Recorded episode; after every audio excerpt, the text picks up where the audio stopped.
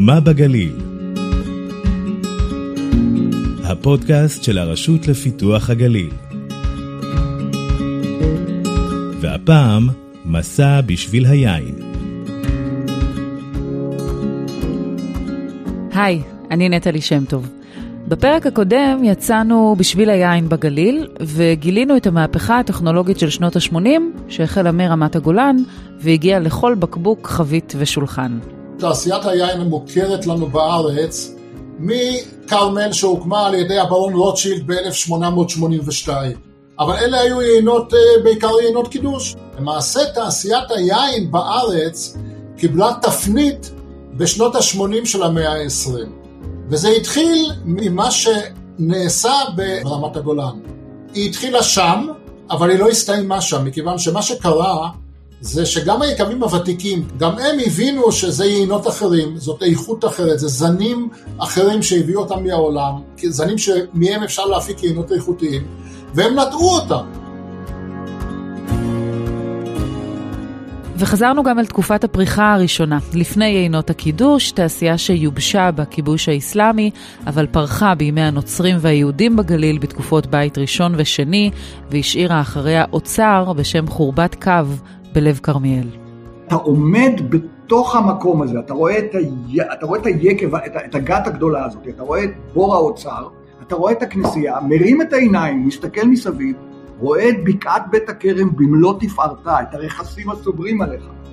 אתה מבין שאתה נמצא בתוך מרחב גידול פראי, הייתי אפילו מגדיר, שהיום הפך להיות מרכז גידול הזית וייצור השמן, ופעם היה מרכז גידול הגפן וייצור היין. ולכן כל טיול בגליל, אתם לא חייבים באמת אה, לתכנן מראש, אין מקום שלא תעמדו, תשאלו עובר אורח איפה היקב הקרוב, מיד לא יותר מרבע שעה נסיעה תגיעו ליקב. גדול, קטן, בינוני, אה, אה, וזה בעצם היתרון של המרחב הזה, כמות היקבים, אוקיי? בנוסף לעובדה שהיסטורית, כנראה צרכו פה הרבה מאוד יין. אבל גם אחרי העובדות ההיסטוריות האלו, יש עוד הרבה אחורה ללכת. כדי לעלות באמת על עקבות היין בגליל, צריך ללכת למיטיבי לכת. תחנה ראשונה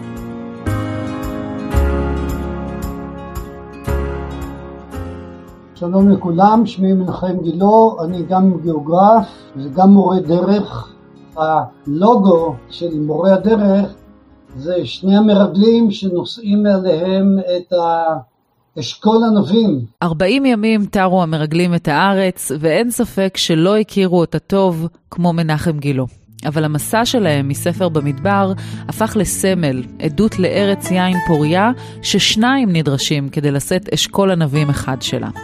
והם בעיקר מזכירים לנו שהעדויות ליין בישראל הן הרבה יותר קדומות, כפי שניתן למצוא בספרים רבים במקורות. אני רוצה דווקא להתחיל אה, במשפט שאני מביא אותו מספר מלכים, וישב יהודה וישראל לבטח, איש תחת גפנו ותחת עינתו, מדן ועד באר שבע, כל ימי שלמה. וזה בא לומר שגידול הגפן הולך הרבה מאוד שנים אחורה. גידול גפנים היה נכון גם מהעת העתיקה, ואנחנו בעיקר לטובת אה, המטיילים שלנו מתחילים בתקופת המקרא. בסיפורי המקרא סביב עמק יזרעאל יש לנו כמה חבר'ה טובים שם, שאול המלך וגדעון, אה, שתמיד אפשר לשלב אה, גיאוגרפיה, היסטוריה, מקרא, כך שלטייל ולהיכנס למקומות כאלה בוודאי מומלץ. והאפשרויות כמובן רבות. עמק יזרעאל מרוצף בגתות, בתל יזרעאל ובתל תענך, בגלבוע, בתמרת, ביערות אלונים, בחנתון, ביפעת. מדי שנה נחשפים מוקדים נוספים מתעשיית היין הקדומה במאמץ השימור. לחלקם יש היום בית חדש שמנקז אליו חלקים רבים מהסיפור. ליד צומת כברי יש אה, משרדים של הקרן הקיימת, ויש שם גן ארכיאולוגי. צריך לבקש רשות להיכנס, אבל קרן קיימת מאוד שמחה שבאים אליה, ויש אה, ארכיאולוג שהוא אה, דוקטור רפי פרנקל, הוא מקיבוץ בית העמק, הוא ממש בנה שם גת, גם הביאו לשם גת מהגלבוע, אבל יש שם גם גתות שהוא חפר בחפירות שלו בגליל. באזור הזה הוא חפר הרבה, ושם הוא מצא הרבה מאוד גיטות עתיקות, ואת הקלאסיות יותר הוא העביר לגן הארכיאולוגי שנמצא בכברי. ולצד הגתות כאמור קלאסיקות נוספות. התערוכה בגן מציגה גם פריטים ארכיאולוגיים כמו בתי בד, אבני ריחיים ועוד מתקנים חקלאיים, כולל הסברים על שיטות התפעול וההפקה של שלושת המינים המרכזיים בתזונה באותה תקופה, דגן, יצהר ותירוש, או בשפתנו היום, לחם, שמן ויין. כי אותם באמת ניתן היה לאחסן באותם קנקנים עתיקים, ולפי ארכיאולוגים משם החל השיווק או לכיוון אה, הודו מזרחה או לכיוון טורקיה ואולי אפילו אירופה מערבה. אז אה, אם אמרנו ראשית הגידול וראשית האחסון וראשית השיווק מתחיל בין הפרט לחידקל, הוא גם מגיע אלינו. יש גם הרבה מאוד ברכות ביהדות על אה, שלושה מינים שאותם ניתן היה לאחסן, זה דגן, תירוש ויצהר, זאת אומרת גרעיני חיטה שעורה, גפן ושמן, שמן זית. ושוב, על פי מקורותינו בתהילים מדברים על יין שמח לבב אנוש מצד אחד, אבל פה ושם יש התייחסות ליין גם כברכה, כי הוא גם משמח, והוא גם פרנסה, כי הוא טוב לחקלאים. פעם זה היה גפנים למאכל, היום המון שטחים הלכו לגפנים ליין.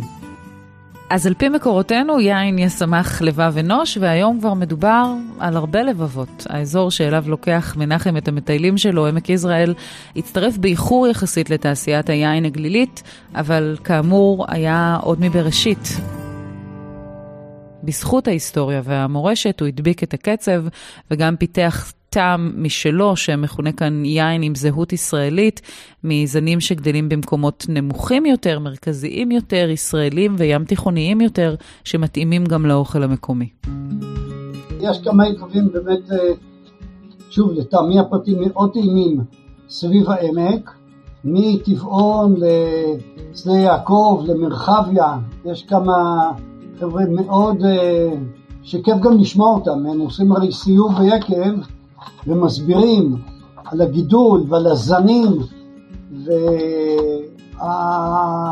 והיינות היותר, אה, נקרא להם ארומטיים, הם יותר בגולן כי שם גם קר יותר ויש יותר ימי קור ואולי הבזלת תורמת, אבל גם לעמק יש את המנות קור שלו בלילות שגם הן אה, תורמות ואנחנו היום אה, מגיעים לפרסים ואנחנו עולים אפילו על אה, הרבה מאוד תחרויות אבל באופן כללי כל אחד על פי חיקו הפרטי יגיד מה הכי אוהב ואז הוא יהיה מבין ביין. תחנה שנייה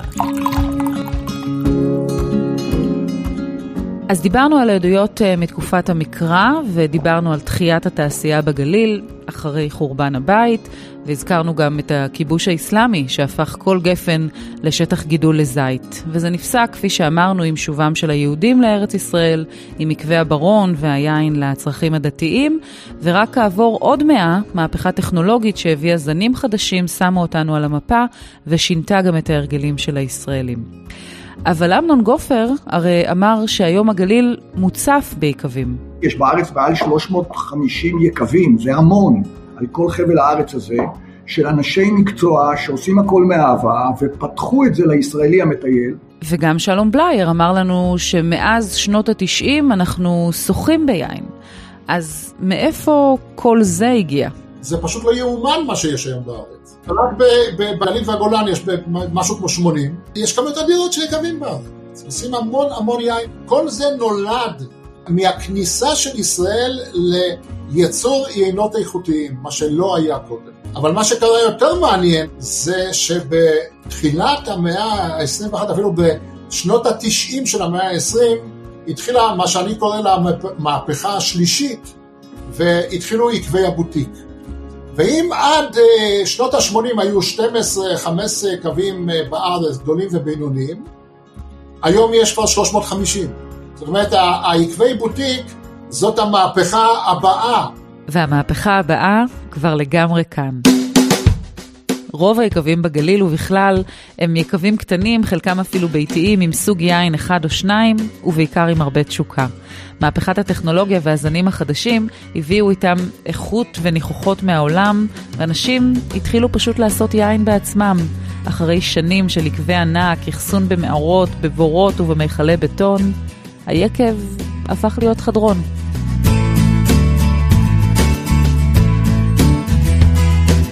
יקב טוליפ, אה, כשהקמתי אותו, והייתי אז אה, צעיר, הייתי אז בן 25. מבין כל יקבי הבוטיק שעושים כאן את המהפכה, אנחנו רוצים להביא את סיפורו של אחד שממש משנה חיים. הנה רועי יצחקי, הבעלים של יקב טוליפ. האמת שלקחתי חתיכת נייר אז ורשמתי כותרת אה, תוכנית עסקית. כמובן שזה ברור שאין לזה שום קשר לתוכנית עסקית, אבל אז חשבתי שזה ככה נראה תוכנית עסקית. אבל מה שחשוב שם בנייר הזה שכתבתי, בעצם חשבתי עם עצמי, אוקיי, אתה מקים יקב, מה אתה רוצה לעשות? מה המטרה? בסדר, לייצר יין, אחלה, מה אתה רוצה שיצא מזה? למי אתה רוצה למכור את זה? אה, כסף, לא כסף, מעניין, לא מעניין. ורשמתי לעצמי בעצם מטרות, מטרות על כאלה נקרא להם. אז קודם כל מטרה ראשונה ששמתי לעצמי, זה שאני הולך להתעסק בייצור של יינות איכות. המטרה השנייה הייתה בעצם לעשות יינות שיוצאים מהקופסה, יינות נועזים, יינות פורצי דרך. מטרה שלישית ואולי החשובה, החלטתי שאני רוצה להקים עסק כזה שיעשה גם משהו טוב לעולם, שיתרום לקהילה. אז לא העזתי וגם לא ידעתי להגיד, לקרוא לזה עסק חברתי, אבל רשמתי. וחשבתי, חשבתי, חשבתי, ודי מהר, אחרי כמה שבועות ספורים, נפל לי האסימון. שאני גר בקריית טבעון, בתוך קריית טבעון יש מקום סופר מיוחד, סופר פסטורלי, שנקרא כפר תקווה.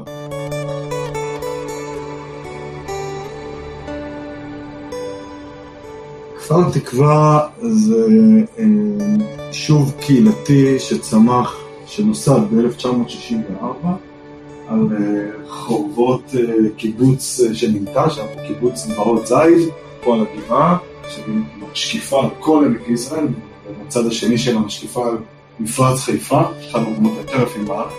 רצה הגורל והקיבוץ אה, לא צלח אה, כלכלית.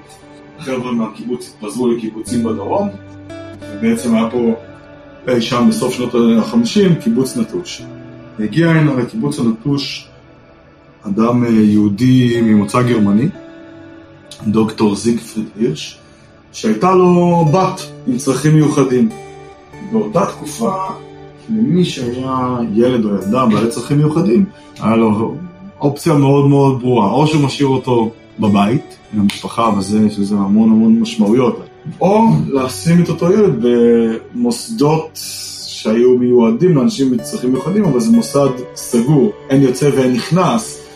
במקום הזה, דוקטור הירש הזה, אותו בן אדם מדהים, אמר, אני לא מוכן לשים את הבת שלי במקום סגור ובעצם להוקיע אותה מהחברה. ובעצם הוא קנה את הקיבוץ נטוש ממדינת ישראל והפך אותו ליישוב קהילתי לאנשים בעלי צרכים מיוחדים הראשון בעולם.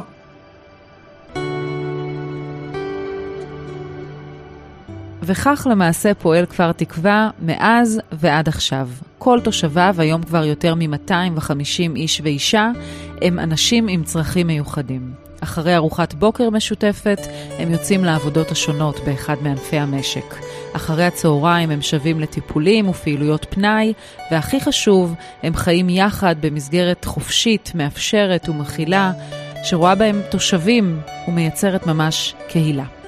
ואם נחבר את זה רגע אלינו, אז שוב, היה לי את החזון של לעשות עסק אה, חברתי או עסק שיתרום לקהילה, ואז פתאום נפל לי האסימון, וואלה, כבר תקווה, זה פה מתחת לאף. אולי אני אקים פה את היקב וככה אני אצליח לתת לאותם חבר'ה תעסוקה פה ביקב. לשמחתי הרבה, מנכ"ל הכפר שממש מאוד מאוד מאוד מאוד שמח על הרעיון. ואמר לי, רועי, זה אחד הדברים הכי מדהים והכי מרגשים ששמעתי בחיים שלי, מה אתה צריך ממני? אמרתי לו, תכלס כלום. תן לי איזשהו חדרון שאני אוכל להתחיל לייצר בו יין, צוות לי כמה חבר'ה מכפר תקווה שיעבדו אצלי, ואני והם ביחד נתחיל לייצר יין.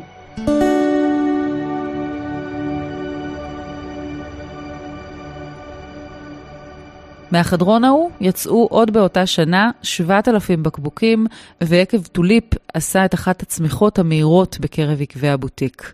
היום, בשטחי היקב המשודרג, מייצרים כבר 330 אלף בקבוקים בשנה, ויותר חשוב, יש עשרות מועסקים מכפר תקווה. מה שמוביל אותנו לשאלה הגדולה, האם זה עדיין יקב בוטיק בהגדרה? שאלת מיליון הדולר. אין באמת הגדרה מהו יקב בוטיק. היקב הבוטיק הראשון בישראל שהוקם נקרא יקב קסטל, ויש לנו הרבה הרבה כבוד לאלי בן זקן הבעלים שהקים את זה, והוא פתח פה בעצם, עשה פה מהפכה.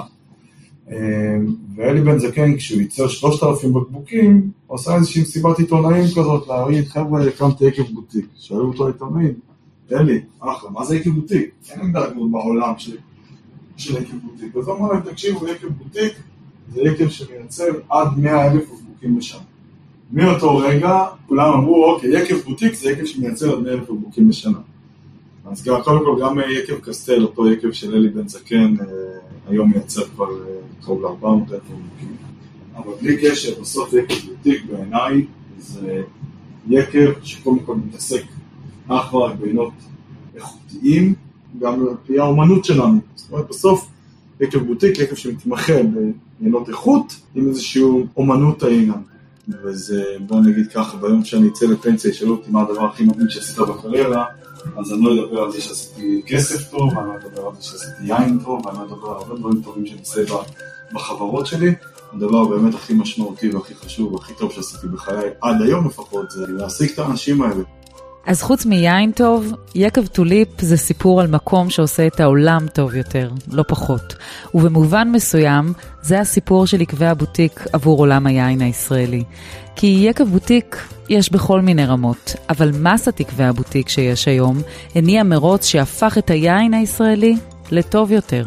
הם הביאו יינות ייחודיים שנולדו רק משיגעון של איש אחד או מקסימום שניים, והם גרמו ליקבים גדולים לחפש מחדש זנים, שיטות וחידושים, ובכל כרם צומח היום גם יינן או ייננית שיהיו הדור הבא של שוק היין הישראלי.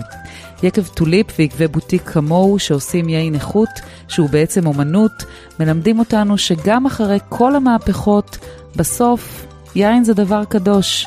וזה בכלל לא הטעם בגרון, זה החזון, השיגעון ומה שיש ליינן בראש. נכון, רוב יקבי הבוטיק ימשיכו לייצר רק לחברים ולמשפחה יותר בקבוקים או קצת, אבל זה בדיוק מה שעושה פה אירופה בלב הלבנט. אני חושב שאזור עמק יזרעאל, תחום היין, הוא לא מפותח כמו הגליל העליון, או רמת הגולן, או יהודה. אוקיי, האזורים האלה קצת יותר מפותחים. כי אלה גם האזורים שמגדלים את הענבים. באופן טבעי תמיד יש איזושהי קרבה של המפעל לאזור הגידול. יש לזה מאוד אה, יתרונות, בין אם לוגיסטיים, בין אם כלכליים ובין אם קונספטואליים. אה, מה שכן, עמק יזרעאל, אנחנו תמיד, א', מבחינה תיירותית, כל מי שעובר בצפון עובר דרכו. זאת אומרת, כל מי שעובר לצפון צריך כנראה לעבור אה, איפשהו בעמק יזרעאל, או מאוד קרוב לעמק יזרעאל. ויש פה אזורים מטריפים טיולים ובילויים ופיקניקים, עכשיו אנחנו בכזה שפיקניקים נהיה פתאום אה, הדבר. אני מת על לקחת בקבוק יין, איזה חתיכת גבינה, לא צריך הרבה, אפילו עם כוס מהבית, לא חשוב אם זה כוס יין או לא, לשבת פה ביערות הזורע, אין יותר אירופה מזה. הכי אירופה בארץ.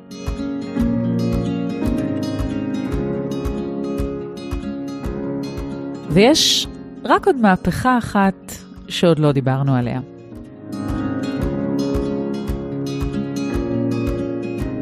תחנה שלישית. לי קוראים דוקטור מאיר שליסל, אני חבר סגל בחוג למדעי המזון במכללה האקדמית תל חי, וגם מנהל את המעבדות בתל חי, דוקטור מאיר שליסל הוא בעיקרון חוקר כימיה של מזון, אבל בעשור האחרון הכימיה שלו היא בעיקר עם יין.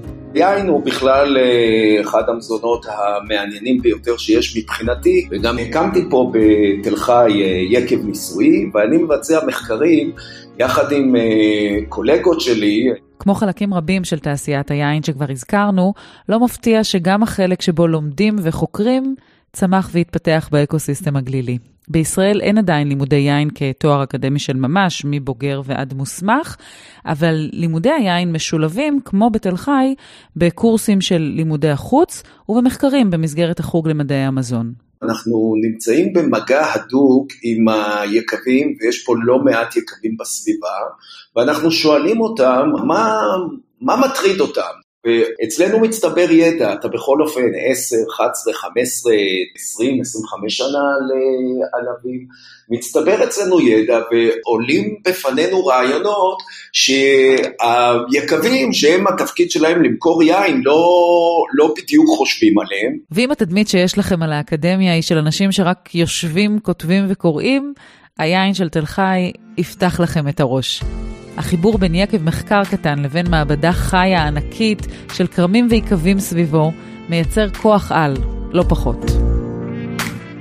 לפני איזה ארבע שנים אה, הייתי בכנס, כנס דווקא לא על ענבים, אלא על בכלל גידול ירקות.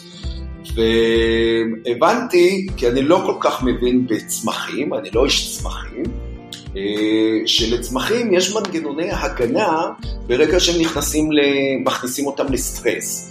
בסטרס הזה נוצרים חומרים שמגינים על הצמח, אבל במקביל הם גם בריאותיים לאדם. עכשיו, יין הוא מוצר מאוד בריאותי, כי יש בו חומרים מונעי חמצון שמאוד חשובים לנו, כי זה תורם לבריאות שלנו גם כנגד סרטן ונגד מחלות לב והיצרות עורקים ועוד ועוד, ולכן מומלץ לשתות כוס יין ביום. רק מה הבעיה? כמות אותם חומרים ביין לא מספיק גבוהה. וכדי לקבל את המנה היומית הדרושה צריך לשתות בקבוק יין. ופה כבר נכנסים שיש יותר מדי כהל, וכהל ברמה נמוכה הוא בריא, אבל ברמות גבוהות הוא פוגע בכבד.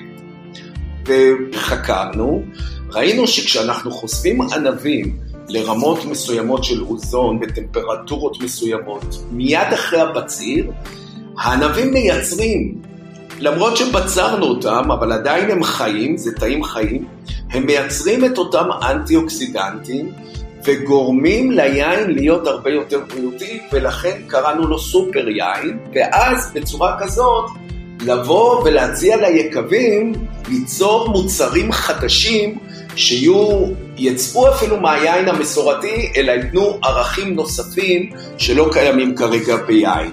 וזה התרומה של האקדמיה לעולם היין. וחוץ משיפור ערכיו הבריאותיים של היין, החוקרים בתל חי הצליחו לשפר גם את תהליכי הייצור. במחקר אחר, הם הוכיחו שתעשיית היין יכולה להקטין הוצאות ולתרום לעולם תרומה משמעותית, אם רק תסכים לטמון ידה, אבל ממש לטמון, אל תחתית החבית. בתעשיית היין יש אה, שתי פסולות מרכזיות. אחת זה הקליפות של הענבים, אה, שזה הולך בעיקר למאכל של בהמות, בעלי חיים, והפסולת השנייה זה פסולת שהיא לא מנוצלת, שמזהמת את הסביבה, זה כל שאריות השמרים שנוצרים לאחר התסיסה. בתהליך היין יש תסיסה של שמרים, בדיוק כמו שקורה בעוגת שמרים. והשמרים האלה שוקעים בתחתית המכלים, הם נראים כמו בוצה, עם ריחות וטעמים לא נעימים בכלל, שהיקב צריך להיפטר מהם, וזה עולה לו כסף לפנות את זה, כי מטמינים את זה באדמה. ומה שיפה בפסולת הזאת שהסתכלתי עליה, זה שמבחינת הערכים התזונתיים היא מאוד, אה, עם ערכים תזונתיים מאוד גבוהים. 25 עד 30 אחוז אה, חלבון, 55 עד 60 אחוז סיבים תזונתיים, אנטי אוקסידנטים, ואז אמרתי, בואו ננסה לנצל את זה אה, כמקור לחלבון, מקור לסיבים תזונתיים, כחומר אה, בעל ערך תזונתי רב מאוד, שהיום הוא מזהם את הסביבה. ובאמת הפקנו אבקה שאין לה טעם ואין לה ריח, שזה יתרון לתעשיית המזון, ולכן אפשר להכניס אותה לאפליקציות החל משוקולד, דרך מאפים, דרך גלידות, דרך עולם החלב. והיום התפיסה בעולם לקראת uh, אמצע המאה ה-21 זה מה שנקרא כלכלה מעגלית, zero waste אומרים באנגלית, זאת אומרת שלא יהיה כמעט פסולת ולנצל את הכל גם כדי לא לזהם את כדור הארץ שלנו וגם כדי למצוא עוד מקורות מזון כי אוכלוסיית העולם גדלה ואין דבר יותר טוב מלקחת מתעשיית היין, שהיין הוא מוצר מאוד בריאותי וגם ה... תוצרי הלוואי שלו, השערים שלו, הם גם עם ערכים תזונתיים מאוד מאוד גבוהים, ולנצל את זה עד הסוף.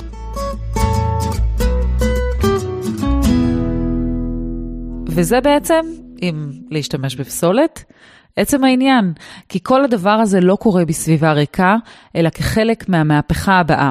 מחקרי היין הם עוד נדבך בתחום המחקר החם בעולם. מה שמתרחש עכשיו בעולם, בכל העולם, זה מהפכה שנקראת פודטק.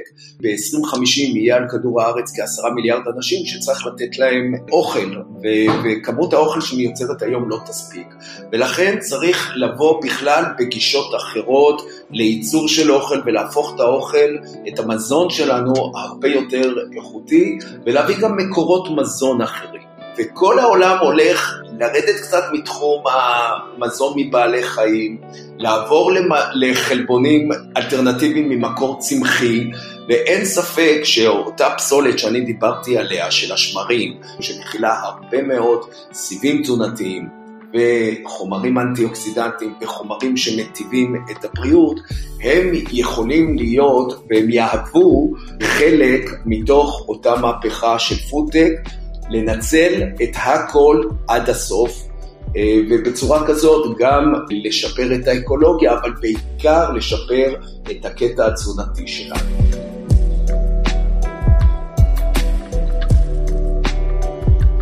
אז המהפכה של הפודטק, שאמרתי שהיא עולמית, היא פוגשת אותנו פה בישראל, כי העולם מסתכל על ישראל כ start-up nation, ואנחנו גם נהיה start-up nation בתחום הפודטק, יש לנו את היכולות האלה. והאזור הגליל הוא האזור האולטימטיבי לדבר הזה, ובאמת גם הממשלה הולכת להשקיע ומשקיעה פה כספים להפוך את הגליל לבירת הפודטק של מדינת ישראל והאגרוטק. עכשיו, למה הגליל כל כך מתאים? מכיוון שבטווח של 65 קילומטר מאזור בקעת כנרות, אה, אזור דגניה לאזור מרום גולן, ואזור אה, רמות נפתלי, זה אזור מאוד קטן, יש לנו המון אזורים אקלימיים. במרום גולן יש לנו אזור אירופאי של ענבים, תפוחים, דובדבנים. לעומת זאת, באזור דגניה יש לנו שם אזור טרופי של בננות, ליצ'י, אה, מנגו ועוד. וזאת למעשה מעבדה טבעית שאפשר לגדל שם חקלאות ולהיכנס לחקלאות מדייקת, במה שנקרא אגרוטק, והחקלאות היא למעשה חומר הגלם של המזון.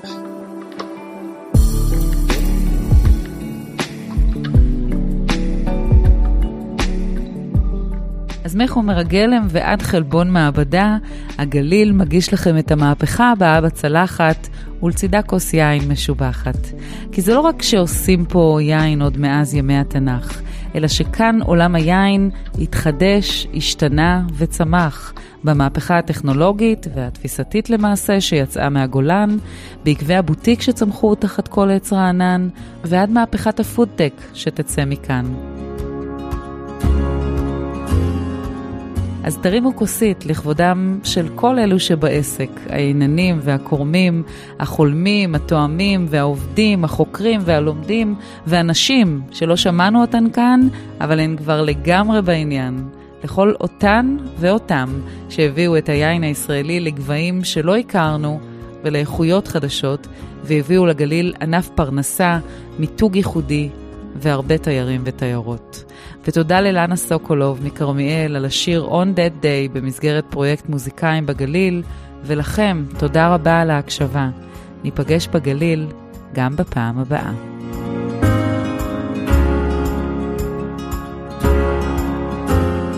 האזנתם לפודקאסט מה בגליל של הרשות לפיתוח הגליל והמשרד לפיתוח הפריפריה, הנגב והגליל.